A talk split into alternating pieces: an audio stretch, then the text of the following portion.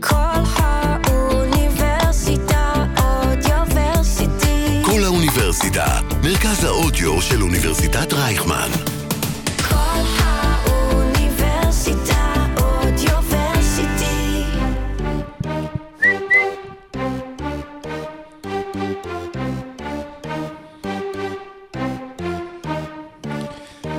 לפני קצת יותר מארבע שנים חיכתי לשרון ושאלתי אותו, תגיד, בא לך לעשות פודקאסט על NBA? עולם הפודקאסטים בעלייה, בוא ניכנס לנישה של NBA. רעיון מצוין, הוא ענה, אבל צריך לעבות את הפאנל. שרון הציע שברר עם סורוקה בעניין, כי אם עושים פודקאסט על NBA, אז הגורו של הליגה חייב להיות שם, ושנינו הסכמנו גם בשביל סורוקה, שהוא חייב כבר שיהיה לו פודקאסט NBA, גם אם זה בלעדינו. ואז הוא המשיך ואמר, אתה יודע מה, יש לי עוד רעיון, תן לי לדבר עם אחי משה, אני חושב שהוא יכול להיות להיט. כמה שהוא צדק וכמה שבן סימוס וקיירי מצטערים על הרגע הזה. וככה נפתחה לקבוצת הוואטסאפ שלושה מהפינה שם זמני, שבמהרה הפכה ל stretch four שם זמני, עד שמצאנו את השם המושלם, עושים NBA שם קבוע. ב-13 לנובמבר 2019 יצאנו סורוקה ואני לדייט ראשון ונפגשנו בג'ו מדיסון בפארק הלאומי ברמת גן. ג'וי גארדן. ג'ו גארדן, סליחה. דומה. כן. באירוניה מוחלטת הגעתי לשם עם חולצה של קיירי, דיברנו על הפורמט, חילקנו אותו לרבעים. סורוקה סיפר לי על הטרמפים שאבא שלי היה מציע לו כשהיה כתב צעיר בגלי צה"ל. דיברנו על אהבה משותפת ללקרס ובעיקר לליגה, ואיך אפשר להעביר את זה לדור האוהדים הקיים ולדור האוהדים החדש. ראינו שאנחנו באותו ראש והחלטנו לצאת לדרך. רק שלא בדיוק יצאנו לדרך, קשיים במציאת אולפן ולוזים בעייתיים גררו אותנו כמעט יותר מחודשיים. לבסוף סורוקה ואני הגענו לפגישה עם ענת חנקין, שהייתה אז עורכת התוכן של כל האוניברסיטה, בזמנו הרדיו הבינתחומי, שאהבה את הרעיון ותיאמנו תאריך להקלטת שלושה פרקי פיילוט ראשונים שעלו במקביל. ככה היא באמצע, סיכום אמצע העונה, והפרק הרשמי הראשון שלנו. איזה כיף היה ב twenties, פרק הנוסטרדמוס שלנו לסיכום העשור שעוד יגיע, ו hey, עכשיו אתה all-star. ובדיוק לפני ארבע שנים, ב-1 לפברואר 2020, הפודקאסט עושים NBA עלה לאוויר.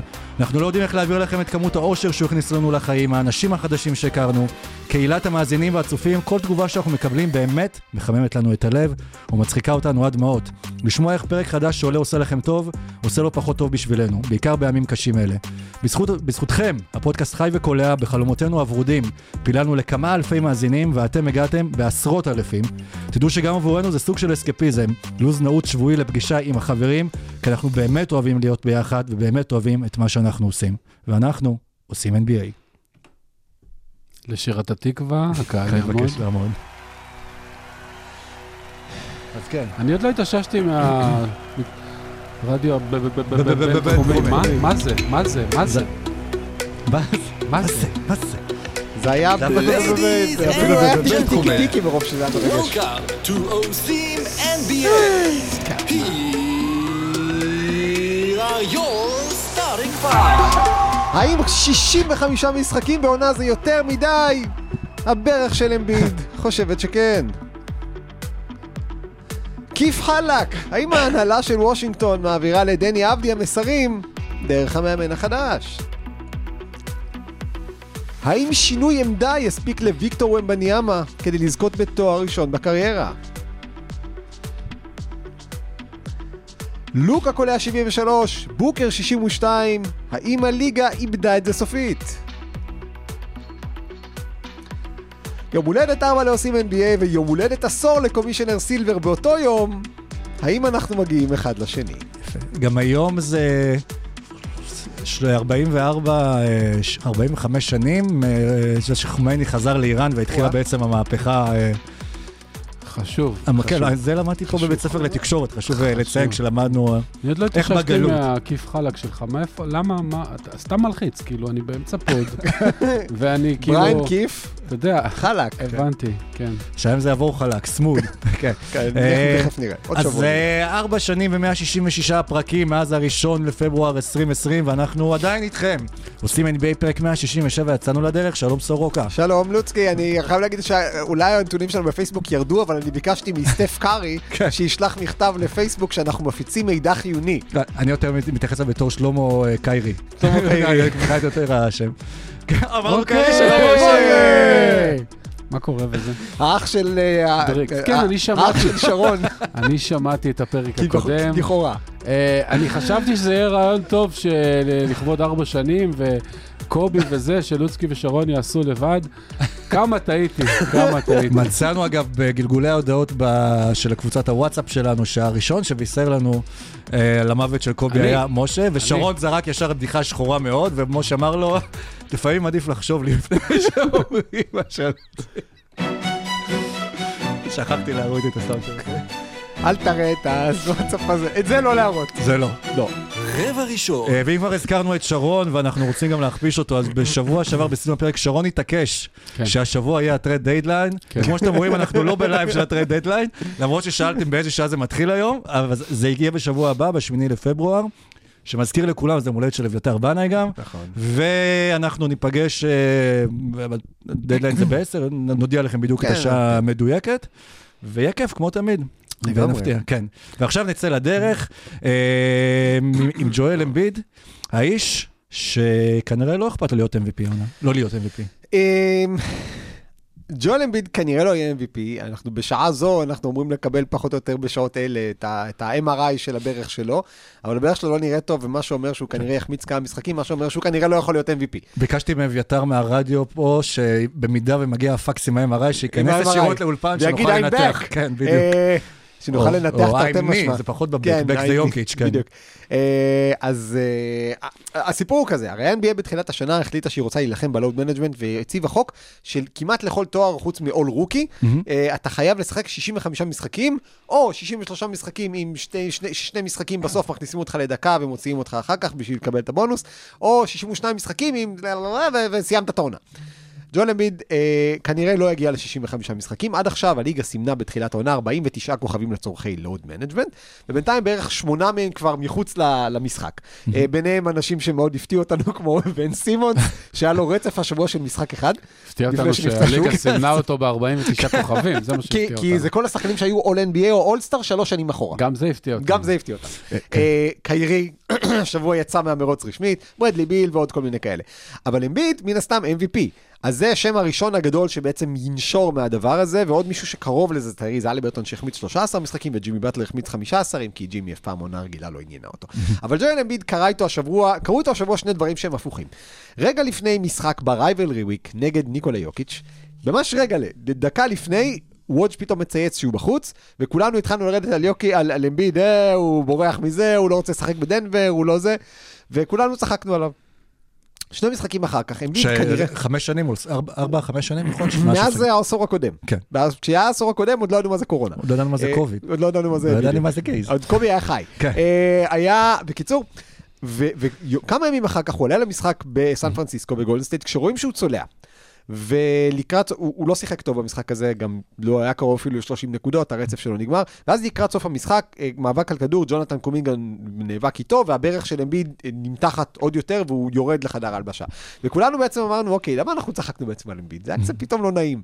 כי אמרנו, מה, הוא באמת כאילו, זהו, שהוא מתחמק, או שהוא באמת, הוא כנראה באמת פצוע. אתה אומר, הוא עשה לנו מרב מיכאלי וליאור שליין עם ה- בדיוק. עם הילד שבאו. לא בדיוק. הבנתי, הוא יכל לשחק נגד קומינגה, אבל לא יכל לשחק נגד יוקיץ'. אני חושב שהוא לא יכל לשחק גם נגד גולדן סטייט, אבל מהלך- מלחץ חברתי והבנה שאם הוא לא ישחק מספיק משחקים לא יהיה MVP, אז הוא עלה לשחק פצוע. ואנחנו ראינו שהוא שיחק פצוע, והוא נפצע ועכשיו אמור להיעדר פציעה יותר ארוכה. עכשיו, זה לא היה כזה קריטי, אלמלא טייריס הליברטון היה נפצע בעצמו לפני כמה שבועות, ואז היה חוזר. גם כי יש חוק 65 משחקים, כן. ונפצע בדיוק עוד משחק ואחר כך מחמיץ עוד איזה שבועיים. כן. כלומר, יכול להיות שהחוק הזה גורם לשחקנים אה, לשחק יותר מדי פצועים מאשר להשיג את האפקט ההפוך. כן, לא, אני חושב שזה חוק אה, טוב, זה כמו כל דבר, זה השנה הראשונה שהחוק קיים ועדיין השחקנים צריכים להבין איך לשחק איתו, כמה משחקים יכולים לנוח, פתאום הם קולטים שאם הם אה, במנוחה הם יכולים להיפצע ואז זה יכול לדפוק אותם, אז אולי לא שווה לנוח, וגם אם ילמדו אולי בעתיד, כאילו שלא שווה להתאמץ בשביל זה, כי זה יכול רק להחמיר את הפציעה, זה פשוט תהיה איזושהי שנת הסתגלות, מה שנקרא, כמו ילד שבא לגן בפעם הראשונה, אז ככה הם עם החוק, ובסוף הוא רק ייתן טוב, כי המטרה שלו בסוף זה שנראה אותם משחקים. אני חושב שבשביל תואר כמו MVP, זה לגיטימי לגמרי, ה-65 משחקים. גם אחרי זה בד... הלכנו ובדקנו, ומעט מאוד מקרים בהיסטוריה יש של שחקנים ששיחקו 64 או 63 משחקים וזכו ב-MVP, לא, לא, לא פחות מזה. ביל וולטון הכי מעט. אה, ביל בולטון 58, בעונת 78, משהו כזה, אה, אבל זו באמת הייתה עונה חריגה, שפשוט אף אחד מאיתנו כמעט לא היה בחיים. אה, אבל בגדול, אם אתה הפסדת 20% מהעונה, אז אתה כנראה לא ה-most valuable player, לא משנה כמה טוב היית, כי יש שחקנים שהיו קצת פחות טובים, אבל תרמו לקבוצה שלהם 79 משחקים או משהו כזה. מצד שני, ל-all-NBA Teams זה קצת מציק. זאת אומרת, האם ג'ואל אמביד עם 60 משחקים למשל, פחות ראוי מהשחקן ה-15 ב-third team אה, all-NBA, לא יודע מי זה יהיה, אה, דיארון פוקס, אנטוני רודי אדוארדס. גובר. הוא- מי- אה, כנראה שאפילו לא הוא, אבל אה, כנראה ש-60 משחקים של אמביד עדיפים על 75 משחקים של, לא יודע, לאורי מרקונן. אז ב-all-NBA זה קצת מציק, אולי היה צריך לעשות מדרג שונה. 65 ל-MVP, 57, וואטאבר, ל-all-NBA, כי מה שיקרה, all-NBA, אה, הסיבה שאנשים כל כך אוהבים את זה ובוכים, ואנחנו זה, ואוהבים בחירות, חוץ משרון, הוא לא אוהב דירוגים, אבל בגדול, אוהבים את זה כי... בסוף, בסוף אתה מסתכל על העונה שהייתה, אתה תלך אחורה ל... לא יודע מה, שנת 92, תראה את ה-all-NBA ותבין בערך מה קרה בליגה. ואם למשל אמביד לא יהיה, אז לא כל כך תבין מה קרה השנה בליגה.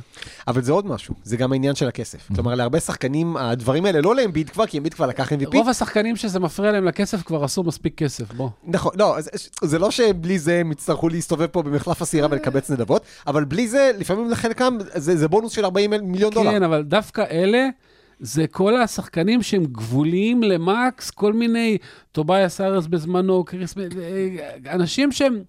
כאילו, עדיף לקבוצות שלא יהיה להם את ה-35% כן. האלה, והשחקנים הבאמת באמת טובים, אה, דורנט אה, היה בחוץ עם אכילס לשנה, כן. ויקבל אה, super max, לא משנה מה, גם אם הוא מפסיד שנתיים רצוף, אז זה לא כל כך מש... כ- למשל, אה, שחקנים בקליפרס לא שיחקו הרבה בארבע שנים האחרונות, והם מקבלים 50 מיליון לעונה בחוזה הבא, למ- כי, כי הם ממש ממש טובים. אז אה, אתה יודע. אה, אבל אני כן רוצה להגיד משהו על החוק הזה, ש, שבינתיים הוא עובד. כלומר, המטרה של החוק הזה לא הייתה לפסול את ג'ואל אמביד מה-MVP, אה, או לעצבן את דריימונד גרין, כל דבר מעצבן את דריימונד גרין, הוא קם בבוקר, הוא פשוט פותח rant של 15 דקות לפני שהוא שתה את הקפה של הבוקר. אה, החוק הזה רצה להחזיר את התרבות. של פחות load management ויותר תרבות של אני רוצה לשחק 82 משחקים כן. בעונה. וראינו גם בתחילת העונה אנשים כמו לברון ואנטוני דייוויס מכריזים שהמטרה שלהם לשחק 82 משחקים בעונה, זה בסדר, בקטגוריות, בבלוקבאסטר היו מקטלגים את זה תחת מדע בדיוני. אבל בסדר, הם לא ישחקו 82 משחקים, אבל הם ישחקו, אם הם ישחקו בסוף העונה 71, 72 משחקים, זה יופי. אבל אתה מסתכל על זה, ובמקרה כל הסטטיסטיקות שאני כזה עושה רישומים, אחד הדברים שאני עושה זה בודק כמה שחקנים שותפו עד עכשיו בכל המשחקים. השנה, פחות או יותר, יש באזור ה-45 שחקנים. למרות שיש בינתיים רק אחד מ-49 הכוכבים, שזה כן. אה, אבא של נהוראי סבוניס. אה, ו... ובשנה שעברה, באותו פרק זמן נתון, היינו על 24 שחקנים, ושנה לפני כן, זה היה שנת הקורונה וכל הדברים, אז היינו בערך על עשרה, פחות וואו. או יותר באותו זה. אז שם באמת היו, היו גם אה, היעדרויות בגלל קורונה. אבל המטרה של ה-NBA לגרום לזה שיותר שחקנים ירצו לשחק ביותר משחקים, זה היה המסר שעבר מראשי הליגה, והמסר הזה לפחות עבד. עכשיו, אני מסכים עם משה, יכול להיות שצריך לעשות איזו אדפטציה לדבר הזה על All NBA. גם הליגה בהסתגלות אולי... אה, כן, שוב, בסופו של דבר, אה, המשפט המפורסם ש-availability is the best ability, זה- זה- לתוך הדבר הזה. כלומר, אתה אומר, אם אתה מספיק טוב כדי להיות All-NBA, אתה צריך לשחק ב-80% מהמשחקים, אתה לא יכול להחמיץ יותר מכל משחק חמישי של הקבוצה שלך. ובמובן הזה, זה כאילו באמת נוצר מצב ששתי פציעות, לא קרע, שתי פציעות hamstring, אחת hamstring ואחת אה, ד- כתף פרוקה, יכולות לגמור לך את הסיכוי ל-MVP או לתואר או לדבר כזה. אז במובן הזה אני חושב, אני מסכים עם משה שזה כאילו יאפיל, ייתן כזה סוג של כוכבית אולי על החמישיות העונה, אבל אתה בסופו של דבר כן תראה בדברים האלה שחקנים מאוד מאוד טובים שייבחרו לדבר הזה. כלומר, עושר הכישרונות בליגה יגרום לזה שלא יבוא פתאום, לא ייבחר לך איזה טייסון צ'נדלר לחמישייה השלישית. כלומר, אם לא יהיה הליברטון, אז יהיה מקסי. כן, אבל- ואם לא יהיה זה, אז יהיה את ברונסון. זוכר איך בשנים האחרונות, בגלל אה, החוקים אה, ש, שחייב עמדת סנטר וזה, אז פתאום יוקיץ' ואמביד, אחד מהם גמר כן. ב second team, למרות כן. ששניהם היו הכי טובים בליגה by far. אז אה, את זה ביטלו. אז גם אדפטציות יעשו לזה. כן, אה, אני חושב שפשוט מה שצרם גם לכולם עם אמביד וגם הוציא את כל הזעם עליו, זה גם כמה שנים קודם שלו שיחק אה, בדנבר ברצף, וגם העובדה שזה משהו שקרה רבע שעה ממש לפני שריקת הפתיחה.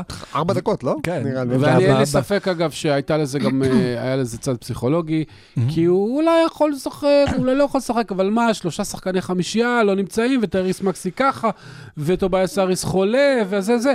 אז מה, אם אני אשחק עם מחליפים, אז אני אראה לא טוב. כן, וזה גם זהו. אה, היה נראה ככה כי הוא לא ישב על הספסל עד הרגע שפילדלפיה הרגישו שהם במשחק, ואז פתאום הוא עלה והקהל שרק לו. בוז. והדבר השלישי שהפריע זה היה הרייברי וויק, הרייברי דיי שה-NBA קבעו לאותו אה, יום, וגם קידמו את זה ודחפו בפרומו עם אמביד נגד יוקיץ', כי זה בסוף הרייברי שם, אה, אה, וגם המהמרים והימורים, שזה גם חלק מהסיבה שעשו את החוק, שמו כסף על המשחק הזה, ואז אה, זה לא קרה. באמת היה לנו באותו יום, יום משחקים של אה, יריבויות, אה, יש יריבויות שהן אה, בין קבוצות, אבל יש יריבויות שבונים בין שחקנים, כמו שהיה גם לוקה נגד בוקר ואמביד שמור נגד יוקיץ', אבל שני שחקנים שהם כבר קשישים, אחד יותר, אחד קרוב אליו, עדיין משחקים ועדיין בועטים, ובסיום עם המשחקים הזה, אחרי שלא קיבלנו את יוקיץ' נגד אמביד, קיבלנו את הפיצוי הכי טוב שיש, של הלייקרס נגד גולדן סטייט, שתי הארכות, הלייקרס מנצחים בנקודה. סטף ולברון במשחק שיא שלוקח אותנו אחורה לימים שזה היה ווריורס נגד, אה, נגד אה, קליבלנד, וגם בסוף מתחבקים ומדברים שזה, ואומרים, זה מדהים שאנחנו עדיין עושים את זה איפה שאנחנו נמצאים. זה לא רק מדהים, זאת עדיין היריבות הכי טובה ב-NBA. למרות ששניהם כבר יותר קרובים לפרישה מאשר לתחילת הקריירה או לשיא הקריירה, זאת עדיין היריבות הכי טובה ב-NBA. ואחד הדברים שזה, זה שיש היום כל כך הרבה שחקנים טובים ב-NBA, שכבר אין לך איזה לייקרס סלטיקס מן הסתם, והדבר כאן, יכול להיות ש- שלברון סטף זאת היריבות האחרונה שאנחנו נראה. אה, בין שני שחקנים שמגיעים לגמר אחד נגד השני, ארבע שנים ברצף, אפילו שנתיים ברצף, אתה יודע מה? ובמובן הזה היריבות הזאת בנתה אותם, והרבה אנשים אמרו אחר כך, אם סטף לא היה בשנתון של לברון, יכול להיות שהיינו מג- חושבים עליו יותר גדול. לא, להפך, בזכות זה שסטף היה בשנתון של לברון, בזכות זה שסטף לקח שלוש אליפויות בארבעה גמרים נגד לברון, שאתה יכול להגיד כמה לברון וכמה סטף, אבל בזכות זה שתי, היריבות הזאת בנתה אותם כל כך יפה אחד נגד השני, ואנחנו גם רואים את ה... זה, זה הרספקט שראינו בסוף, זה גם סוג של רספקט כזה של אולי לא נשארו לנו עוד הרבה משחקים כאלה. אולי נתנו עכשיו את השואו, לא יודע אם האחרון, יש עוד uh, חמישה, שישה, לא יודע מה, uh, שנתיים, שלוש, לא יודע כמה לברון עוד ישחק, אבל זה, זאת המורשת שאנחנו רוצים להשאיר. וזה היה כל כך מרגש, וזה היה כאילו, שסטף בא וקורע את הגופייה, ולברון כזה, אתה מרגיש שהוא באמת... כזה נושם. אז באמת היה מקסים, וזה היה מין סוג של כזה שני גלדיאטורים של מתחבקים ויודעים שוואלה, זה, זה, זה תכף יהיה מאחורינו ובואו ננפצה את זה כמה שעוד אפשר. נכון, וזו מורשת גם לליגה, וגם שהם אמרו לנכדים שלהם שיוכלו לצפות ו- ו- ולראות את, ה- את, ה- את הרגעים הגדולים האלה. לברון תכף הולך לשחק עם הנכד שלו, כן. נראה לי כן. בקצב הזה. לא, אני, אני דיברתי השבוע עם אה, שר המורשת, והוא, אה, סתם, אני שמעתי, אחד הדברים המדהימים זה שלמרות שסטף קרי נכנס לליגה שש שנים, נדמה לי, או שבע שנים אחרי לברון, כן. שש, אה, לברון נגד סטף קרה ב-NBA 49 פעם, פעמים. 49 פעמים, וזה לא העובדה הכי מדהימה. העובדה הכי מדהימה זה שרוב המשחקים האלה קרו בגמר ה-NBA. רוב, ה- רוב ה-49 משחקים קרו בגמרים של NBA, וזה, וזה באמת רייברי שלא ראינו מאז ימי אה, מג'יק אה, לארי, אה, כי, כי, כי זה דורש גם שתי קבוצות שיגיעו רחוק כל שנה, וזה היה פשוט אה, יפה לראות, ובאמת, אני לא יודע מה הרייברי הבא ב-NBA, אולי לוקה נגד בוקר או משהו כזה, אבל כן. הולמגרד נגד ויקטור. אגב, אני בדקתי, אנחנו נדע עד פרק 100, 300, 300 של אנחנו זה נדע. אנחנו כבר נדע, כן. אה, אגב, אה, אגב, שר המורשת, אני בחרתי אותו בפנטזי, אז הלכתי אליהו.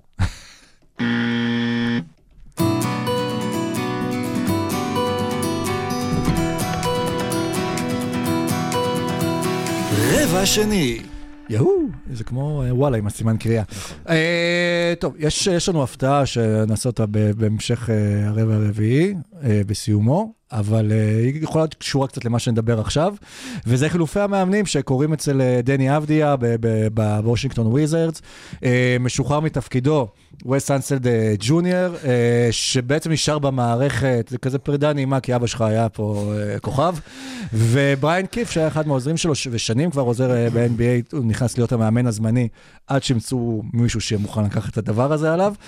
ובריין קיף הוא המאמן ה- הראשון אה, בהיסטוריה של הוויזרדס. שאף אחד לא יודע מי הוא. ומנצח את שני משחקי החוץ הראשונים שלו אה. אה, ברצף, כבר עושה היסטוריה.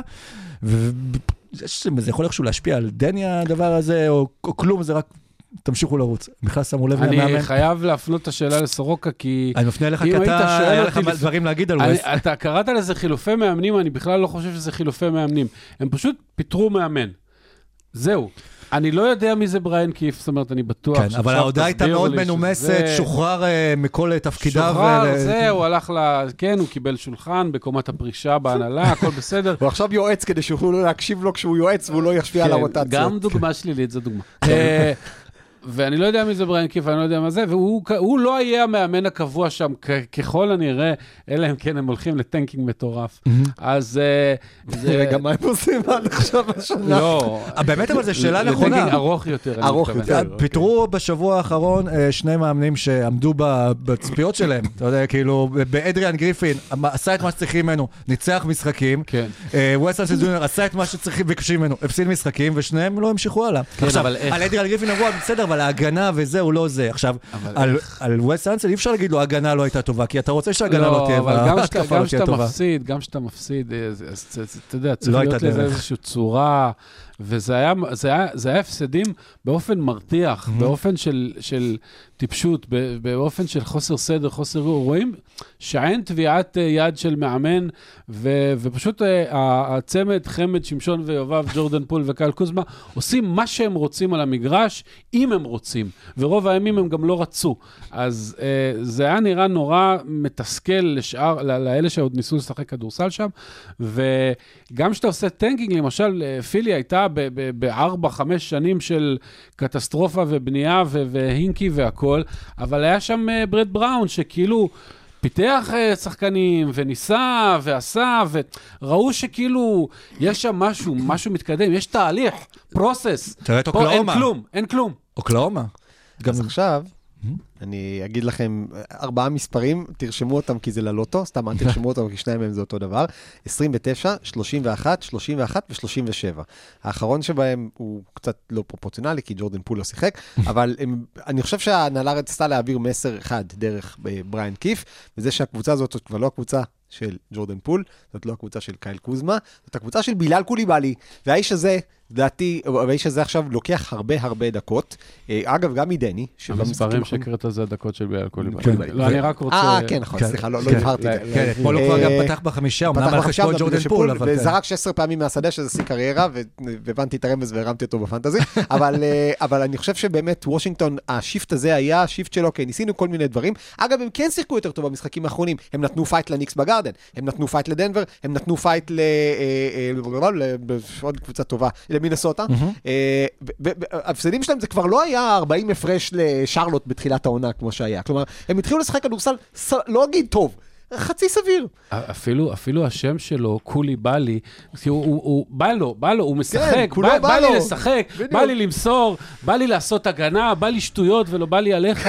הוא, הוא, הוא, אתה, הוא משתדל, הוא. משתדל, הוא לא, הוא עדיין uh, two years away או מה שזה לא יהיה, אבל... לא, אבל לא, לא, פה- ממש לא two years לא, away. לא two years away from אני being כן, two years away, אלא סתם two years away מלהיות שחקן NBA טוב, אבל, אבל רואים כישרון גולמי ובו- ו- ו- ורצון ומוסר עבודה, ויאללה. קוליבאלי נשמע כמו אה, מועדון שיוצאים אליו ב... קולי עלמה. כמו קולי קולי עלמה, עלמה, כן. אה, אבל אז- אז- אז הדבר הזה בינתיים בא על חשבון ו- ובאמת בחלק מהמשחקים קוליבאלי שיחק את המאני טיים ואבדיה לא, שבעיניי זו טעות, כי עכשיו, זה יכול להיות טעות משתי סיבות. א', אמ, רוצים להראות, אה, שוב, שבעיניי זה לא באמת ישנה. יש עוד שבוע אנחנו נדע אם וושינגטון באמת אוהבת את אבדיה או לא, אם היא רוצה להשאיר אותו או לא, אם היא קיבלה עליו הצעות מספיק טובות או לא. כי זה הסיפור כאן. האם היא קיבלה הצעות על אבדיה שגרמו לה להבין, אוקיי, אנחנו עכשיו נוותר על דקות של אבדיה וניתן אותן לקוליבאלי, כי עוד חמש דקות אנחנו נותנים את אבדיה ומקבלים עליו שתי בחירות סיבוב ראשון מאוקלאומה סיטי. הלוואי, הלוואי, הלוואי. אה, ודוויס ברטנס שיסיים את החוזה איפה שהוא התחיל, אה, או שאנחנו עכשיו עושים שואו קייס דווקא לכל הלנדרי שמטים והדלון רייטים של העולם, כדי להראות, אוקיי, הם בכושר טוב, אנחנו, תנו לנו עליהם בחירת סיבוב שני, תנו לנו על טיוס ג'ונס שתי בחירות, ואז ואז ימסרו את כולם, ואז עבדיה וקוליבאלי יתחילו לשחק ביחד. כי אנחנו רואים שעבדיה וקוליבאלי ביחד, יש להם הרבה רגעים טובים. הם מבינים אחד את השני, הם עושים ביחד הגנה, הם רצים ביחד למתפרצות. זה נראה כמו שילוב טוב, על פניו. כך שלא מובן למה לא נותנים להם לשחק ביחד, והסיבה, וזה אחת משתי סיבות בעיניי. ועוד שבוע, אנחנו נהיה יותר חכמים. אז, אז אני עוד לא... זה קצת, אנחנו נכנסים קצת לפאניק מוד, עוד לא לגמרי, אבל אני חושב שאנחנו פשוט הולכים עכשיו לשבוע שבו, בסוף השבוע הזה, אחרי השבוע הזה, אנחנו נדע מה וושינגטון מתכננת. הלוואי וזה יהיה ב trade deadline, אם יקרה איזה משהו דרמטי שנוכל להשמיע לכם איתות, אבל זה מרגיש גם אה, שדני, או בגלל שהמאמן מאפשר לו, או בגלל שה franchise מאפשר לו, או שאולי הוא גם אה, מבינים שאולי הוא הולך לבוא ב trade, שלוקח יותר על עצמו פתאום אה, בתקופה האחרונה, הרבה יותר פעיל. זה שג'ורדן פול על המגרש ולוקח נגיעות בכדור, אה, זה גם כן עוזר, אבל הוא פיצח את המשחק של NBA, הוא ממש כאילו... זורק הרבה יותר ממקודם, לוקח את עצמו לתוך הצבע, מבין את המסה שלו ואת הגודל שלו, וזה נראה גם כאילו שהוא עושה החלטות נכונות, כי קצת קשה לעצור אותו. אני אף פעם לא דמיינתי דן בתור בחור כזה פיזי. אה, לא, אני כן, כן חושב ש... היה עוד משהו ב, בכל הסיפור הזה, שגם בגלי הגיע שם, ושכאילו החמישייה, ש... התחיל איזה סיפור כזה שדני מוביל את החמ... עושים, ברוטציות של האנסט כן. שהתעצבנו אליהם, דני כן קיבל הזדמנות להוביל חמישייה. ועכשיו עם השינויים האלה, אז זה כבר פחות קורה, אז המספרים שלו קצת פחות טובים, אז הוא גם משחק פחות, וגם, וגם הפלוס מינוס שלו לפעמים לא טוב, כי הוא... כל השינויים האלה פחות, אה, אני חושב, עשו לו טוב בטווח של השבוע, אבל שוב, זה sample size קטן, ונצטרך לחכות עם הדבר הזה עוד קצת קדימה. אז uh, הזכרת את קוליבאלי שעולה וצומח עכשיו uh, בוויזרדס, ומי שגם, הוא עלה וצמח כבר בגיל צעיר, אבל... והיה ב- שותפו של שותפו לקבוצה, והפסיד לו השבוע בפעם. זה ויקטור מבניאמה, שבקרב הצמוד בין צ'ט לוויקטור על rookie של, של העונה, צ'ט היה נראה בהתחלה שהוא תופס איזשהו פער, גם עם ההצלחה האישית וגם ההצלחה הקבוצתית, וגם ומבי, כמו דני, רק קצת אולי יותר מהר, התחיל להבין את המשחק. מי, מי יכל להאמין? מי יכל להאמין ששחקן של 2.25, אולי כדאי שישחק מתחת לסל ויחסום מלא זריקות? מי יכל להאמין שאם נגיד ישים לו רכז, אפילו לא רכז טוב, סתם איזה טרד ג'ונס, אם נשים לו רכז לידו בחמישייה, אולי הוא יקבל כדורים במקומות יותר טובים. מי יכל להאמין? אה, כנראה שפופ... אה, או לא יודע מה, הוא... אה, בכל זאת, הוא אפיפיור, הוא צריך להאמין במשהו כזה. אה, מי בדיוק. שמאמין לא לא מוומבניאן. כל- כל הניסויים הביזאריים שנעשו איתו בחצי הראשון של העונה היו ביזאריים, ו- ודברים אה, נהיו- מקבלים טיפה יותר תבנית. הכי ביזארי מבחינתי היה לראות מישהו שתיים, כמה הוא? 2.24, 2.50, פלוס עושה שם גוד. ואז הוא- ואז בריאיון הוא אמר, אתם קוראים לזה שם גוד, אנחנו קוראים לזה אבו דירוגה באירופה. אה. זה- אבו כן, דירוגה, אגב, הוא ראש אה, המערך הרקטי של החמאס בח'אן יונס. אבו דירוגה זה ה- הקולגה של שרון בעזה שעושה את הדירוגים, אבו דירוגה. יפה, אני רוצה יפה. להקריא לכם אפשר מספרים. לעשות החלפות? נגיד, לשלוח את שרון לשם ולהביא את אבו דירוגה לפה? תשמע, כבר, השם שלך כבר חקוק על קירות עזה, עוד שלי זה פרסמנו נכון. את זה, ו- אה, אני רוצה. להודות לחיילים שציירו קיירי אפס על קיר בח'אן יונס.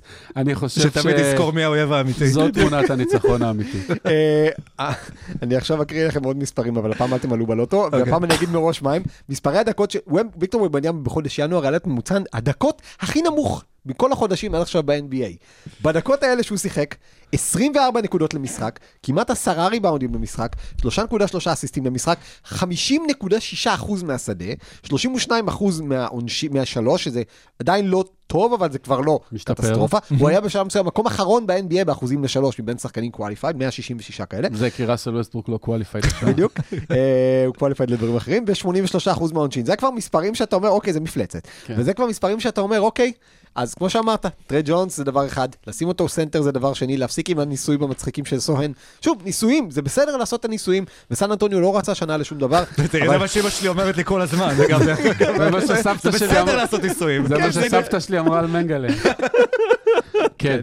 קיצור, וומבניאמה בתור סנטר זה מפלצת, והמספרים שלו עכשיו, שאתה מתחיל להסתכל עליהם, אז בהרבה מקומות הוא כבר עובר את צ'ט, ואנחנו דיברנו על זה שצ'ט באמת ההצלחה הקבוצתית תעשה את זה. וסן אנטוניו, שוב, לא, עדיין לא מצליחה קבוצתית, אבל היא כן, גם היא משחקת יותר טוב. אגב, כל הקבוצות שהתחילו את העונה בדיחה, משחקות יותר טוב, דטרויט משחקים יותר טוב, ניצחו את אוק סיטי, וושינגטון משחקים יותר טוב, סן אנטוניו משחקת יותר טוב.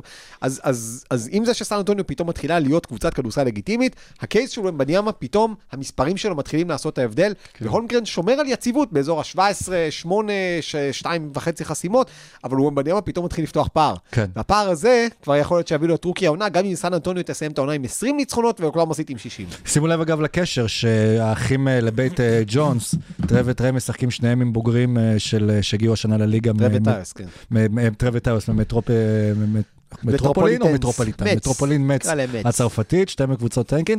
ועוד דבר עלו בניאמה, שהשבוע פרסמו את החולצות הכי הגופיות, הכי נמכרות בליגה, וגם שם הוא כבר מדורג קבוע, במקום הרביעי, והיו גם עוד כמה שמות מאוד אה, מפתיעים שם. אותי הכי אכזב לראות את יוקיץ' במקום ה-14, כי... ואת שיי לא שם. נכון, שלו שם, אפילו לא... זה... זה, זה הכי מוזר, שהוא כשהוא עוד כאילו... אולי מוביל אפילו ב, קנדי. במרוץ ל-MVP, בהנחה שאמביד לא שם, הוא ויוקיץ' כנראה השניים הראשונים, והוא לא בכלל בטופ אה, 15 של אה, מוכרי החולצות, וזה מאוד מאוד מוזר. אבל המלו בול כן. כי הוא קנדי כנראה. כן, כן. קנדי שמשחק באוקלאומה סיטי. אה, ואולי יש פשוט כל כך הרבה אותיות בשם המשפחה שלו, שקשה לקנות את הגופייה. זה לא משתלם כלכלית. זה לא משתלם. אגב, את החולצות של אה, ויקטור אתם מקבלים במידה שלכם, כי אין מספיק בד בעולם. זהו, מעניין אם לספיירס עולה יותר כסף שמוצאים בשנה על- על מדים, כי הם צריכים לתפור לוויקטור גם את השם וגם גופייה הרבה יותר ארוכה. בתמורה ויקטור תופר את היריבות. אבל אני חושב שאם שאלנו, כן, אבל אני חושב שאם שאלנו מה תהיה היריבות הגדולה הבאה של הליגה, אנחנו עוד לא יודעים, אבל אני חושב שוויקטור ומבניאמה ככה עושה קייס, גם ה-NBA שיווקה אותו בערך מאז... הם התחילו לשדר את הליגה הצרפתית בגללו באפליקציה, אה, אבל בתחרות על שאלת מי יהיה הפרצוף הבא של הליגו, מה שאנחנו רואים עכשיו, השבועות האלה שאנחנו רואים עכשיו, צ'אט נגד ויקטור? ב- ב- ויותר מזה, אולי ויקטור נגד... אולי לא הייתי קורא לזה הפרצוף של הליגה במקרה של שניהם. זה פשוט אבל- הצוואר של הליגה. כן, אבל משהו, אתה לא... משהו של אין הליגה, פרנץ' כן. שתופס את כל הפרצוף. צ'אט נילס הולמגרדסן. לא, אבל אני אומר, ויקטור, מקום רביעי בגופיות, מקום אחד מתחת מקום ללברון. רביעי ויקטור. מקום רביעי ויקטור, כן. מקום אחד מתחת ללברון ג'יימס בעונת הרוקי שלו. אז כנראה, שוב, יכול להיות, יכול להיות שזה יהיה הפרצוף הבא של הליגה.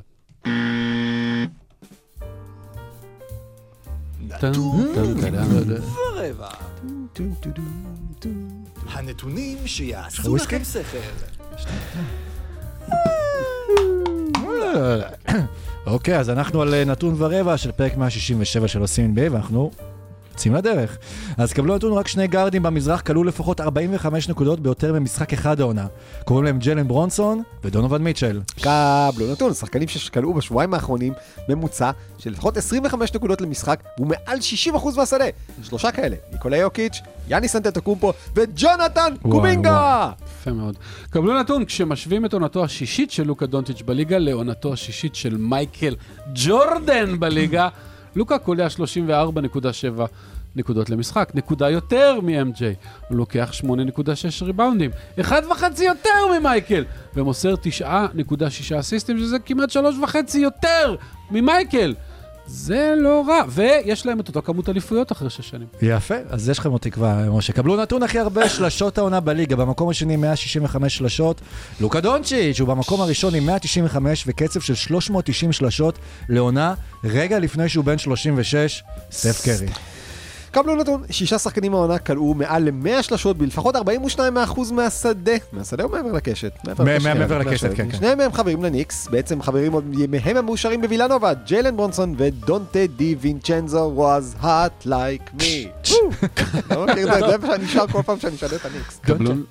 קבלו, נתון, כי למה להשאיר בחוץ את החבר השלישי של הווילנובה ניקס? אה, ג'וש הארט השיג השבוע את ה triple double הראשון בקריירה שלו. עשר נקודות, עשר ריבאונדים, עשר אסיסטים, לא פספס אפילו עגל זהה אחד. יפה. קבלו נתון הכי הרבה נקודות בהארכה העונה ב-NBA, במקום הרביעי ג'ייסון טייטום, במקום השלישי טרי יאנג, במקום השני אלפרן שנגן, ובמקום הראשון סטף קרי. לא נתון, מבין חמשת השחקנים עם סך הנקודות הגבוה ביותר העונה, בסדר עולה ברונסון, יוקיץ', לוקה, יאניס ושי, שלושה הגיעו מדראפט 2018. אפשר כבר לדבר עליו בתור הדראפט ה... טוב, טוב. כן. קבלו נתון, עדיין לא בהיסטוריה, רק טוב. שלושת השחקנים עם ה defensive rating הכי טוב במערב. קרל אנטוני טאונס 108.8, נאז ריד 108.4 ורודי גובר 104.6 by far לפני כולם. כמה כיף ששלושתם באותה קבוצה. נכון, אז קבלו נתון, במשחק המטורף בין הלייקרס לגולדן סטייט, הווריורס אומנם הפסידו בנקודה אחרי שתי הארכות, אבל מדד הפלוס מינוס של דריימון גרין במשחק הזה היה פלוס 31. ותבינו, אחריו ברשימה היו קליי תומפסון עם פלוס 2, אנדרו ויגונס עם פלוס 1, וכל השאר עם מדד שלילי. קבלו נתון. בוא, כל הנתונים שלי על הניקס כמעט. אה, הניו יורק ניקס השלימו בחודש ינואר 14 ניצחונות ליגה מול שני הפסדים בלבד, זהו המספר הגבוה ביותר של ניצחונות שהשיג ה franchise בחודש קלנדרי מאז 1994. 30 שנה, לך תזכור. קבלו נתון, אה, רשימת כל השחקנים בכל ההיסטוריה של ה-NBA שרשמו יותר ממשחק אחד בקריירה של לפחות 45 נקודות ו-15 אסיסטים, זאת אומרת, שתיים. כאלה של 45 נקודות ו-15 אסיסטים. הנה הרשימה במלואה, קחו כרטיס שתייה, שבו בכיסא.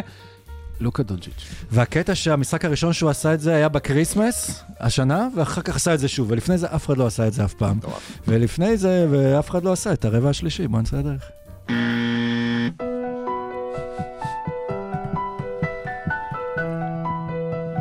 אף אחד לא עשה? אפילו לא ג'וש גידי לא עשה?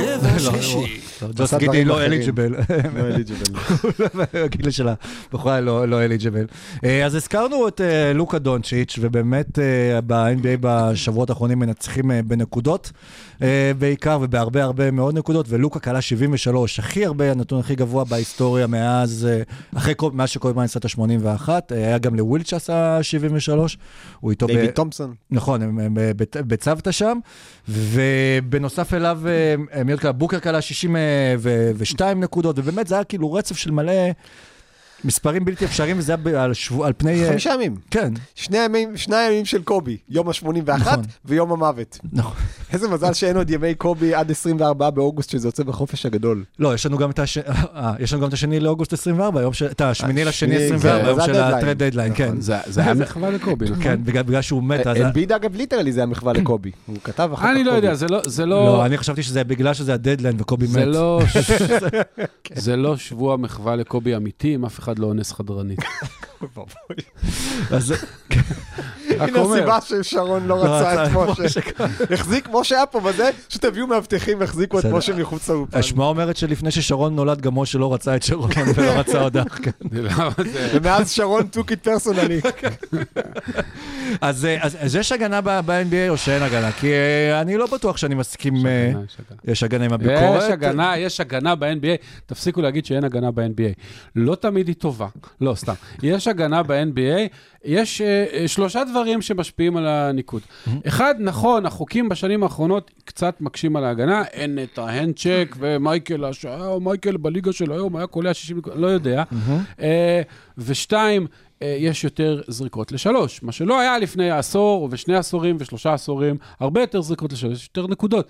ושלוש, והכי חשוב, יש הרבה הרבה יותר כישרון בליגה. השחקן ה-74 בטבעו בליגה, לא יודע מי זה, אנפרני סיימונס, אה, אין לי מושג. אה, תשים אותו עכשיו ב- ב- בשנת 97 או ב-2003, והוא דופק לך 30 נקודות למשחק, כי הוא פשוט כל כך יותר כישרוני, ועבודות רגליים מופלאות, דברים כמו שי לא נראו בעבר, ושחקנים פשוט יותר טובים. עכשיו, האם צריך לתקן את זה קצת?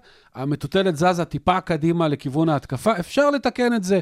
זק לואו בפוד שלו הציע שהשלוש שניות ההגנתיות יהפכו לחמש שניות. אני אגיד לכם את האמת, אני אף פעם לא הבנתי למה יש את החוק הזה. באירופה אין דבר כזה. אתה רוצה לעמוד בצבע, תעמוד בצבע, יזרקו מולך לשלוש. על הכיפאק. אני לא מבין למה בכלל, פעם הרי גם ב-NBA אסור היה לשמור אזורית, כל מיני דברים. תנו לקבוצות לשמור איך שבא להם. מצידי שישמרו כמו שוויבק רוצה בסקרמנדו, ארבעה בהגנה, אחד בנבדל, לא משנה. ת, זה כאילו, ההתקפות הולכות ונהיות יצירתיות. תנו גם להגנות להתבטא בלי חוקים מגבילים, ואז תקבלו את האיזון, אבל שוב, הנקודות הגדולות זה בגלל פשוט הרבה הרבה יותר כישרון, מה לעשות? גם יותר כישרון, וגם אגב ג'ורדן, אני רוצה להגיד לכם, אה, לא, ג'ורדן אמרו שפעם, איך הוא היה קורה בליגה שלו היום, הרי התצוגות תלייה מטורפות של ג'ורדן, חלקן היו בעונות הראשונות שלו דווקא. נכון, אתה יודע שבעונות הראשונות הייתה אותה כמות זריקות שדה בממוצע לקבוצה כמו שיש היום? אבל לא משלוש. אבל לא משלוש. נכון, אגב ג'ורדן לא היה קלעי שלושות טוב. הוא היה גרוע.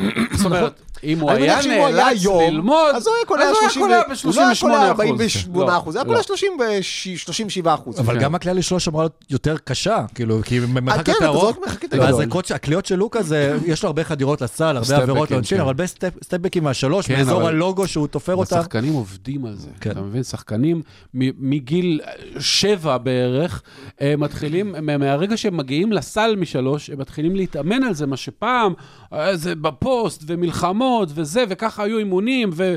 אה, אבל, אבל היום, תראה את משפחת בול, לונזו ולמלו וכל האלה. זה היו סרטונים מלפני תשע ועשר שנים שהם היו בתיכון, שהאבא נותן להם לזרוק מהלוגו, כאילו, בתור אימון כן. קליעות. אז זה קיצוני, אבל שחקנים בדור הזה, בדור הקודם ראו מייקל, ואחר כך היה דור של קובי, ו- ו- ושחקנים כמו טייטום וזה, למדו ממנו. כל הדור של השחקנים היום גדל על מה שסטף קרי עושה, וכולם מנסים להיות סטף קרי. אגב, לא אני לא רואה... זה. חוץ. אז, אני לא רואה בעיה עם זה, אחת, כי אני לא חושב שזה בעיה של ההגנות, זה כמו החלטה של הקבוצה, פשוט כמו שאומרים, יש הרבה כישרון, והחלטה של הקבוצה, וואלה, הולך יש לו משחק אה, טוב, בוא נלך אה, על לוקה. ובעונה כל כך ארוכה, באמת יש כל כך הרבה משחקים, ואמרנו את זה גם בהקשר של דני אבדיה, תן לו לעשות את הטריפל דאבל הזה, תן לו את האושר הזה בעונה, זה בסדר להקריב משחק אחד בשביל שחקן, בשביל שהוא ישבור את השיא, שני משחקים, שלושה משחקים, בוקר הוא מפסיד פעמיים, אבל זה בסדר, גם בשבילנו הצופים, להקריב את המשחק הזה, אם רואים שמישהו הולך, כדי שהוא יכול לצבור שתיים, ושזה משהו היסטורי.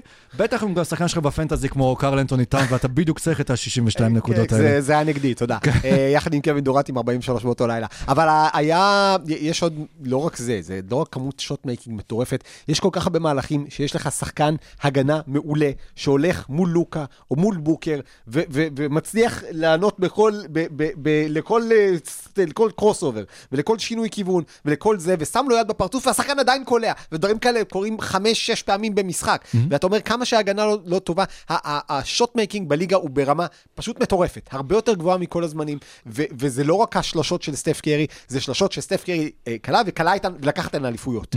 זה סגנון משחק שהוא מנצח, וכשזה סגנון משחק שהוא נחמד, אז כשפיניקס שיחקו את ה-7 seconds or less, הליגה התחילה להיות קצת יותר מהר, אבל זה לא שכל הליגה רצתה להיות פיניקס, כי פיניקס לא לקחה אליפויות בסוף, היא הגיעה לפלייאוף, נתקלה בקיר של סן אנטוניו. גולדן סטייט לקחה עם זה אליפויות, אז כל הליגה היום, אתה חייב שיהיו לך שלשות, לכל שחקן שנמצא על המגרש, ואם הוא לא קולע שלשות, אז, אז הוא חותך לסל.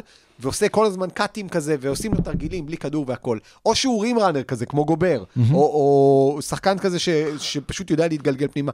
וכל שחקן על המגרש היום הוא איום התקפי. אין כבר רג'י אבנס, אין כבר אה, אה, רוי היברט, שבאמת, אתה נותן לו כדור ומחוץ ל...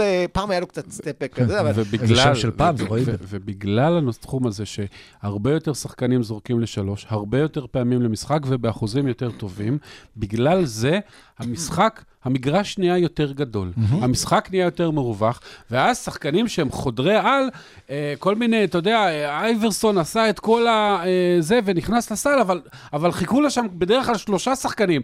עכשיו מחכה לו אחד, כי האחרים רצו לפינות בשביל לרוץ על הקלעים. אז יותר קל פשוט. הלכתי, ראיתי קצת אה, בולס פיסטונס משנות ה-90 כזה, למה? בשביל זה, כדי לראות את המשחק של אז. ובדרך כלל זה היה ככה, מייקל ג'ורדן היה רץ, מתחיל מתפרצת, מגיע לצבע וזורק מחצי מרחק, כי כל חמשת השומרים של דטרויט נמצאים בתוך הצבע. עכשיו, אם היום חמשת השומרים של דטרויט נמצאים בתוך הצבע, א', זה כנראה אז פשוט התנגשו אחד בשני. 30 של- שלשות. וכן, ואתה עומד מחוץ זה, וקבוצות ימחצו אותך עם 15 שלשות ברבע. אז, היום אי אפשר לשמור ככה, אי אפשר לכסות יותר את הצבע. ויותר מזה, יש עוד שני דברים, אגב, שכן אה, הוסיפו עוד יותר על כל הדבר הזה.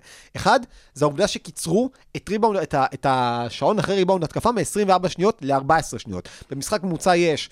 עשרה ריבאונדי התקפה לכל קבוצה, הורידו בעצם דקה וארבעים מכל קבוצה, הוסיפו למשחק עוד שלוש דקות לקלוע בהם סלים, mm-hmm. זה דבר אחד. דבר שני, הטייק פאול שהכניסו השנה. חוק שבעצם נועד לגרום לזה שלא לעשות פאול עצלני כדי לעצור את הקבוצה, אז הדבר הזה גורם לזה שהרבה יותר דברים, במקום להיעצר בשתי זריקות וכדור מהצד, פשוט נותנים לשחקן לרוץ קדימה במתפרצת. אז זה עוד משהו שקצת הוסיף. והדבר האחרון, ה-7 seconds or less, הזכרנו את זה קודם.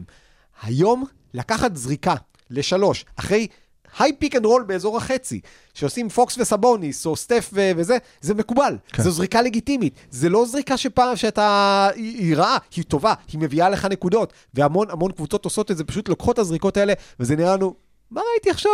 למה, הם זרקו אחרי ארבע שניות בשעון? אבל זה עובד, כי זה נכנס. ואומרות, אם זה נכנס, תמשיכו. נכון. אני אגב זוכר את אה, שקיל ביום הולדת שלו נגד הקליפרס, שהקליפרס של אה, אז, למי שלא היה, זה היה דטרויט של היום, אם זה יכול לתת לכם תקווה. כן. קולע איזה 62, 64... 61, לא? משהו, 60, משהו, משהו, נק- משהו ביום הולדת, נקודות כן. שדוחפים לו, והוא לא זרק שלושות, דוחפים לו את כל הכדורים פנימה פשוט, וזה בסדר לקחת משחק כזה גם של העונה, וזה, כיף אה, אה, לצפות. ועוד, אם כבר הזכרנו אז את שקיל, אז, אה, אז גבוה אחד ויחיד ומיוחד שפורש, שמודיע על פרישה השבוע זה מרק גסול. אה, האיש שהביא שתי אליפויות ללייקרס. נכון. בטרייד, אה, שהביא כן, להם כן. את פאו גסול. יפה. אה, כן, אה, אחיו פאו גסול כמובן, הפרישו לו את הגופייה השנה הזו, שנה שעברה, אני כבר לא שנה זוכר. שעברה נראה לי, לא? כן, אבל מרק גם. עשה את אותה דרך בערך מאירופה לממפיס, הגיע גם ללייקרס, אבל עבר בעוד קבוצות בדרך. אחד משחקני ההגנה במשך כמה שנים הטובים בליגה, החוסמים, מהגבוהים הראשונים, שיצאו החוצה גם לזרוק ולקלוע שלושות, ודמות מאוד אהובה. קודם כל, מרק גסול היה שותף לטרייד החד צדדי ביותר בהיסטוריה שהפך לטרייד מאוד מאוזן. אה, כשפאו גסול עבר ללייקרס תמורת קוואמי בראון, ג'ווריס קריטנטון והזכויות על מרק גסול שאז מקום 30 ומשהו בדראפט, אז כולם כזה, מה? איך הליגה אישרה את זה? עכשיו, לא משנה שהליגה לא יכלה להתנגד לזה, זה לא הסיפור של קריס פול, אבל ממפיס קיבלה את אחד מגדולי שחקניה בכל הזמנים, שהוביל אותה לגמר מערב ולניצחונות יפים בפלייאוף, והיה חלק אינטגרלי מהזהות שלה, והלך אחר כך ועבר לטורונטו ולקח איתה אליפות. אז כאילו, שוב, זה זה היה טרייד, זה תמיד מזכיר לנו שטריידים אנחנו צריכים לשפוט. כש, כשה, אפילו לפעמים כשהקריירות של השחקנים נגמרו. כי גם הרבה פעמים אתה מסתכל, אתה יודע, כולנו קטלנו את הטרייד של מינסוטה לרודי גובר לפני שנה, where are they now? אז, אז אנחנו רואים שהרבה פעמים ה-hot takes והרצון שלנו לשפוט הכל על פי מה שקרה בחודש הראשון, בשנה הראשונה, חכו. אז מרק גסול זה דבר אחד. דבר שני, מרק גסול הוא גשר, בעיניי. חוץ מזה שהוא מספיק גבוה כדי להיות גשר, אז, אז קודם כל המסלול שלו בניגוד למסלול של פאו, זה מסלול הרבה יותר עקיף. פאו גסול, מגיל צעיר, כולם ידעו שהוא יהיה תותח, נבחר מקום שלישי בדראפט, איך שהוא נבחר ישר ממפיס, כבר מיתגו אותו פה וזה, מרק גסול היה אח שמן, כן? זה הגיע לזה שכשפאו אה, אה, שבר את הרגל או משהו אחר בסייטמה שם, באליפות העולם, אז כולם אמרו, טוב, עכשיו ספרד יפסידו לגמר. לא, מרק גסול עולה ונותן הצגה ועולה על הרדאר. אז מהבחינה הזאת זה היה ככה גם התגלות, והמסע שלו היה יותר מפותל ויותר ארוך, אבל ממש ממש מרתק. ומרק גסול הוא גשר, כי מרק גסול בממפיס, ממפיס זאת הייתה אחת הקבוצות האחרונות שעוד שיחקו עידן ישן. כי כדורסל של, של ברוזינג, וכדורסל של מכות, וכדורסל של פיצוצים בצבע, ואז... כשמרק גסול היה צריך להסתגל לעידן החדש, הוא עשה את זה מדהים. כן. והוא עשה, והוא פתאום יוצא החוצה, פתאום קולע שלשות, ופתאום הוא מוסר... היה ברוק לופז לפני כן, ברוק הוא הוא היה אבל לופז. ברוק לופז לפני ברוק הראשונים, לופז. כן. עוד לא, הוא עוד לא זרק שלשות ב volume של ברוק לופז, אבל הוא, הוא היה מוסר מדהים מכל זווית במגרש. והוא היה באמת, מה שעושים היום אה, יוקיץ', מה שעושים היום סבוניס, הוא עשה עוד כמה שנים לפני כן, ומהדבר הזה, שוב, הוא לא יהיה בהיכל התהילה, הוא ב-Hall of very good, אבל, אה, אבל, אבל מרק גסול, הקריירה שלו כזה מסמנת קצת את שינוי במעמד הסנטר, והאליפות שלו הייתה מדהימה. באליפות הזאת הוא, הוא חרך את ג'ואל אמביד בסדרה של פילדלפיה נגד uh, טורונטו אז, וגם את זה אנחנו נזכור לו. השנים האחרונות היו פחות מוצלחות, אבל בסדר, הוא באמת עשה קריירה הרבה יותר מוצלחת והרבה יותר טובה ממה שאי פעם מישהו חשב כנראה שתהיה לו. בגלל זה הוא נראה שרוף, ג'ואל אמביד. אה, אגב, מר גסול, פרט אחרון, הפרט הכי ביזארי שאני מכיר לגבי ה-NBA, בשנת אה, נכון. 2013, מר גסול הצליח לעשות את ההישג המופלא של להיות שחקן ההגנה של העונה, ולא להיבחר לחמישיית ההגנה של העונה. איך זה קרה עד היום היסטוריונים לא מבינים, היה משהו בהצבעות כמה שבועות לפני. לא, לא, יודע. יש, יש פתרון מאוד פשוט לזה. אחד המאמנים בוחרים ואחד העיתונאים בוחרים. אבל אה, זהו, אז הוא הצליח, וגם בגלל שהיה עמדות, ו- ונדמה לי שהיה שם מישהו אחר, לא, לא, לא, לא, משנה. לא, לא. אה, הוא הצליח להיות שחקן ההגנה של העונה, בלי להיות בחמישיית ההגנה של העונה, שזה באמת מופלא. וזה יירשם על שמו.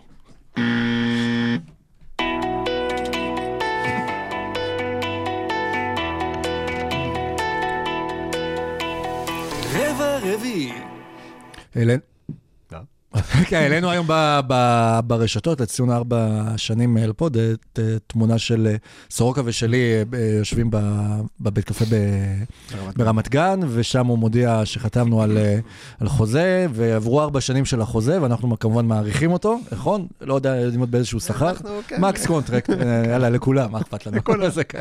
לא אכפת לנו, יש כזה. כן, ו... ומאוד מי שמעריך חוזה, שגם חתם איתנו, זה אדם סילבר. היום ובצ- עשור. היום עשור מאז שאדם סילבר ירש את דיוויד סטרן, כן. ו...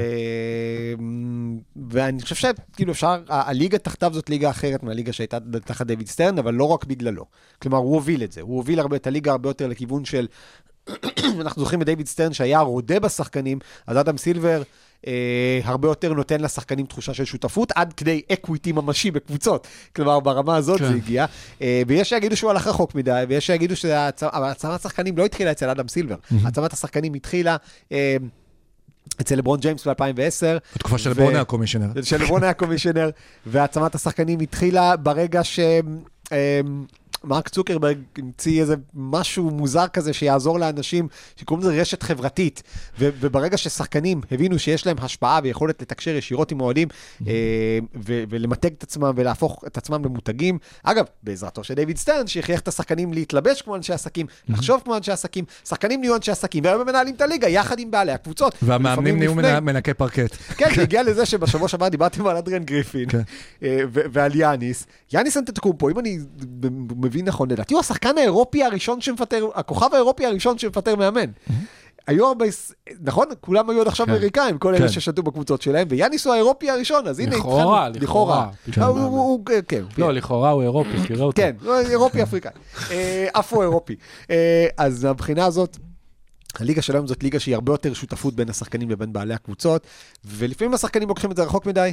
אבל, אבל אני חושב שבסופו של דבר הדבר הזה עשה טוב לליגה.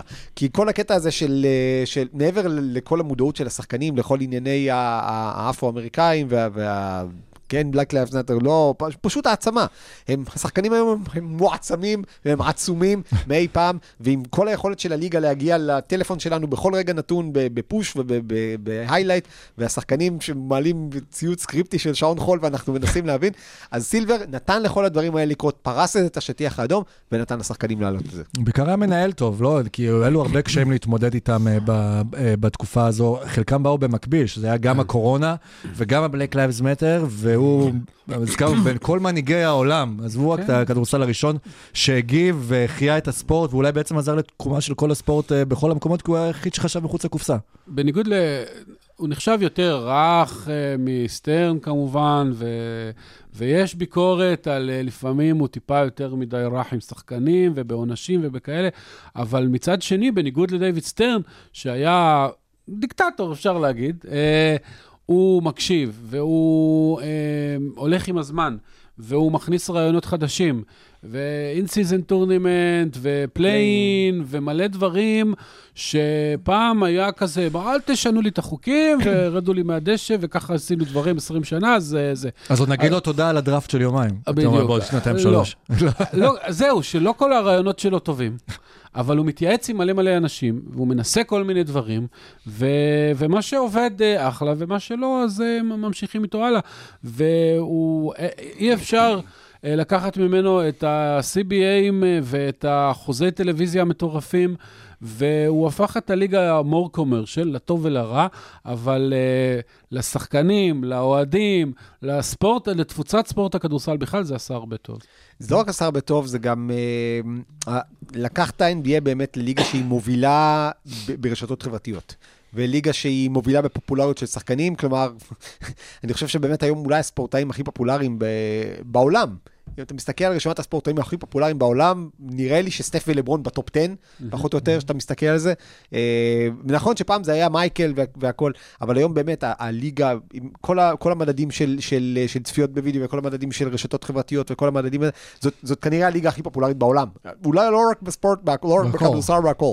ו, וזה הרבה, הרבה אה, סילבר והחזון שלו והדיגיטציה שלו וה... וה האג'יליות שלו, הוא, הוא קומישיונר מאוד אג'ילי, הוא עדיין זוכר שהוא עובד אצל בעלי הקבוצות, הוא צריך לרצות 30 בעלי קבוצות, אבל גם 450 שחקנים. בקרוב 480 כנראה, כשיהיה expansion. כן. אבל... אה, זה, זה עדיין ליגה שהיא אה, רק הולכת וצומחת ומתפתחת, כמו שמשה הזכיר, play-in יישאר, in-season tournament יישאר בשם, אלוהים ישמור, תנו לזה שם נורמלי. וה- והנה דוגמה מצוינת שהולכת להיות לנו תכף. אין יותר כוחות באולסטאר. נכון. חוזרים למזרח נגד מערב. לא. זה היה פורמט שהתחיל בצורה מגניבה, וואי, איזה מגניב, נראה אותם עושים כוחות, וואי, הוא פוליטיקאי וזה, וזה גרם לזה שבשנה שעברה משחק כדורסל היה קטסטרופה. וגם עשו את ה Elam Ending הזה, שאתה חייב להגיע לאיזה ניקוד ברווח, כן. וגם את זה הורידו. כלומר, למרות שזה דווקא היה מגניב. זה, כן, זה היה חמוד, כן. אבל, אבל זה נחמד כשיש לך משחק צמוד. כן. וכשזה משחק של 15 הפרש, זה לא אז. אז זה לא כיף, וגם משחק יכול להיגמר תוך 6 דקות. אז, אז אה, הוא, הוא, הוא commissioner שבעצם הפך את הליגה לליגה מאוד, הרבה יותר דינמית. הרבה יותר משתנה, כמו העולם של היום, כמו השחקנים של היום, כמו הכדורסל של היום, הוא הרבה יותר פלואידי, הרבה יותר, אה, אה, אה, הרבה פחות בינארי, הרבה כן. פחות 0 ו-1, והרבה יותר דברים באמצע. טוב, זה, ולפי כל הפולס בארצות הברית, נראה שבשנה הבאה הוא עוד פעם יפגוש את יריבו משכבר הימים, דונלד טראמפ, כן. על תואר המנהיג האהוב ביותר, מוערך ביותר בארצות הברית. את- הדונלד הגזען הראשון הוא כבר העיף בתקופה, בחודש הראשון שלו, בשנה הראשונה שלו בתפקיד, את השני הוא כנראה זה קצת גדול עליו, אולי חבל שהוא לא מתבונן לנשיאות ארצות הברית, כן? נכון. אבל לך תדע, אולי יום אחד הוא עוד יגיע לשם. יפה. אה, והזכרת אז את האולסטאר, ופרסמו את אה, חמישיות האולסטאר אה, שיערך באינדיאנה. חמישייה של המזרח, אה, עם יאניס אנטטוקומפו, אה, אה, הופעה שמינית שלו, דמיאן לילארד, גם כן הופעה שמינית, אה, טייטום הופעה חמישית, טייריס הליברטון הופעה שנייה, ראשונה בחמישייה, וג'ואל אמביד עם הופעה שביעית באולסטאר. אם הוא יהיה. אם הוא יהיה. ובמערב, לברון ג'יימס עם הופעה מספר 20, אה, שובר את השיא. של אה, קרים אבדול ג'אבר. יוקיץ' הופעה שישית, אה, שי גיגלס אלכסנדר הופעה שנייה, 14 הופעות לקווין דורנט, והופעה חמישית של לוקה דונצ'יץ', והכי טוב שאפשר לבקש, רק שיבואו מחויבים ויהיה לנו משחק על. המאמן המפוטר הראשון של העונה הוא היחיד ששלח שני שחקנים לחמישיות האולסטאר. כן. זה, על זה, על זה, וככה מתגמלים אותו. ואז אני עכשיו מציע לכם גם לחזור לפרק 3 משלושת פרקי הפיילוט שהקלטנו, של אה, היי, אה, אני אולסטאר, ששרון שם יוצא אה, על ההגנות באולסטאר, ומאז התחילו לשמור. לא, אז המצב רק החמיר, אבל השנה אולי יחזרו לשמור, כי השחקנים גם ידעו עם מי הם משחקים. כן. יודעים עכשיו עם מי הם הולכים לשחק, וזה גם, תהיה להם גם כימיה, כי חלקם גם משחקים ביחד. לא יוצא מצב שיאניס בוחר את זה ולברון בוחר לו את לילארד, אז, אז אה, מהמבחנה הזאת זה זה. תראה, החמישיות בסך הכל סבבה, אני חושב שלילארד זה לא, לא מגיע לו, שוב, לא מגיע למילווקי להיות עם שני שחקנים בחמישיית האולסטאר, לילארד איך הוא לילר מאוד תמיד פופולרי. מתגלגל לזה, גם הוא- ל-75 שחקנים הוא התגלגל לשם, וגם He's פה... the ל- people champ. אבל צריך גם לזכור שלילרד הרבה שנים כאילו קיבל... היה אה, סנאב. בדיוק, מהאולסטאר, והת- ואז הוציא תמיד את הלילרד וגם החזק. אה, תתפלאו, אבל אה, מיל- אתם אולי לא, אבל מילווקי היא קבוצת הקלאץ' הכי טובה ב-NBA. שזה נשמע מוזר קצת, אבל, אבל כן, זה הרבה מאוד אה, לילארד, זה לא העונשין של יאניס ב- כן. בדקות ההכרעה, זה בעיקר אה, לילארד. אז אה, כן, הוא לא נותן עונה גדולה במ- במושגים שלו, אבל היא מספיק טובה. אז נכון, אולי הוא לא צריך להיות בחמישייה, אבל הוא היה נבחר בכל מקרה, אז מה זה ממש משנה? כי שחקנים שיותר מגיע להם. ברונסון, כן, ברונסון. או ברונסון או טייריז או לא, אה, זה- או או מיטשל. אני חושב שגם. מיטשל וגם ברונסון יותר שווים מזה. אה, מה שכן, אגב, זה שמילווקי הייתה קבוצת הקלאץ' הטובה ביותר בליגה, זאת פחות או יותר הסיבה שאדריאן גריפין פוטר, כי מילווקי לא הייתה צריכה להגיע לקלאץ' בכל כך הרבה נכון, משחקים. נכון. אז אה, כן, אז... הייתי מצפה שזה יהיה דטרויט, ואז יהיה להם אה, שחקן קלאץ', קלאץ' ברקס. בדיוק. אה, עכשיו יש לנו גם, ברקס. כן, כן. יצא... אה, כן, אז חוץ, אז זה לא, עוד לא, משהו אז- לחמישיות או אה, כן, שנגיד... כן, לא, רציתי? להגיד כן. ש... אה, ש... ברח לי החוט מחשבה. החמישיות לאולסטאר. הלילה יתפרסמו הסגלים? המלאים, הלילה יתפרסמו הסגלים המלאים. והרבה אנשים יהיו עצבניים. כי הולכים להישאר בחוץ, כל כך, בהמשך למה שאמרנו על, על כמות הכישרון, כל כך הרבה שחקנים ראויים הולכים להישאר מחוץ לאולסטאר הזה, שזה יטרף. ו- ואולי, אם אדם סילבר רוצה באמת לעשות עוד שינויים, להרחיב את סגלי האולסטאר ל-15 שחקנים בכל סגל, בכל uh, צד. מהמם. אה, אולי זה צריך להיות השינוי הבא, ש... שוב, זה עדיין בעיה, כי עדיין ב-48, ב-48 דקות צריך לשתף את כולם פתאום, אז לא נעים, אז הוא ישחק שלוש דקות. אבל אתה אומר, אם אתה רוצה לתת כבוד למישהו בזה שאתה שולח אותו לאולסטאר, אז אולי צריך להרחיב. הנה, יש לי עוד רעיון, אז כבר על הדרך, לפני שנעבור לדבר האחרון שקשור לאולסטאר. גם אתה יכול להוסיף אותו עוד טורניר קצרצר כזה של אמצע עונה, וגם לתת ליותר שחקנים, לעשות ארבע קבוצות אולסטאר, ואז לעשות טורניר חצי גמר וגמר, לתת איזשהו פרס כספי, או פלייאוף, או לא יודע מה שאפשר אה, לתת, ולהפוך את זה לאיזה weekend אה, אתה כיפי. רוצה להאריך את שבוע האולסטאר? לא, בכל מקרה יש לך שבוע חופש, פשוט אתה מוסיף עוד משחק אחד, זה סך הכל עוד יום, חצי גמר וגמר, ואז גם הקבוצות יצטרכו לשמור ו- ו- ולשחק בשביל לזכות במשהו. אז אתה בעצם יכול לקחת, אתה יודע מה זה מגניב, אתה לוקח 20 שחקנים מערב, 20 שחקנים מזרח, הם עושים כוחות ביניהם, Mm. כל השחקנים במזרח עושים כוחות ביניהם, אה, השחקנים מערב כן. עושים כוחות ביניהם, ואז אתה עושה שני משחקים של 24 דקות, ביום לפני, וגמר של 48. פנטסטי, הנה. אז לא צריך. בזה, כי עדיין יש לנו... רגע, תעסק על הרעיון. סילבר, תרשום. כותב. אבל גם באולסטר הזה אנחנו הולכים לראות תחרות שלושות אה, מאוד מעניינת, בין אה, סטף קרי לסברינה, לא סברינה גרינברג, אה, אבל למזלו של. סטף. כן. אה, כן. לואיס אבל באיזה תן טווח? לנו. כן.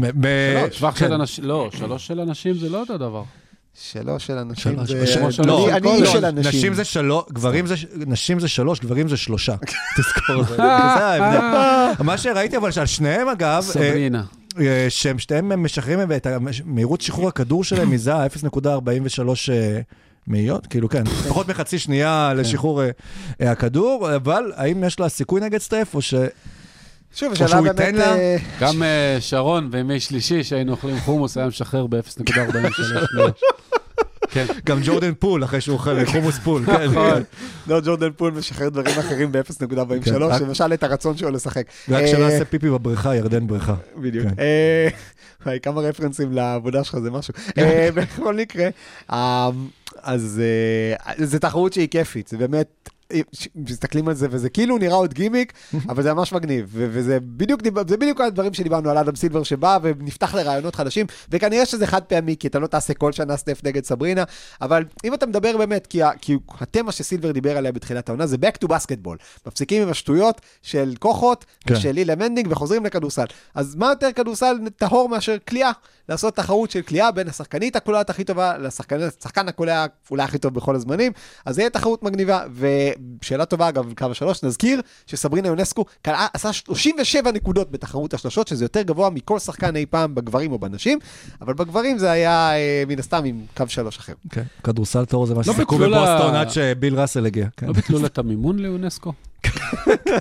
לא, אה, לאונר"א. כן. אונר"א, לכי לאודרה מצידי. כן. רגע, אה, יש לנו את, אנחנו אה, את כן, אה, נכון. הקראת הזה? לא, בסדר. מה, אתם רוצים לעשות שירים עוד פעם? לא, לא. כן. לא, אתה לא רוצה, אתה אתה חמשיר, לא רצית להקריא את החמשיר? חנשי. חמשירים וחנוך לוין וזה. אתה לא רוצה את... לדעתי, מה שאנחנו נעשה, זה שבגלל ששבוע הבא אנחנו נעשה תוכנית יותר ארוכה ויהיה טרייד דדליין, ויש שם זמן מת כן. אה. בין טריידים, אז אנחנו אז נעשה את גם אה. ערב הקראות אה, שירים מטופשים. ועד כאן, אה, ארבע שנים לפודקאסט עושים NBA ופרק 167 של עושים NBA ושבוע הבא באמת הולך להיות ה trade deadline. והפעם עם הקובץ. הפעם עם הקובץ, אנחנו נעדכן אתכם באיזה שעה זה, זה יקרה בכל הרשתות הזה, אז תעקבו.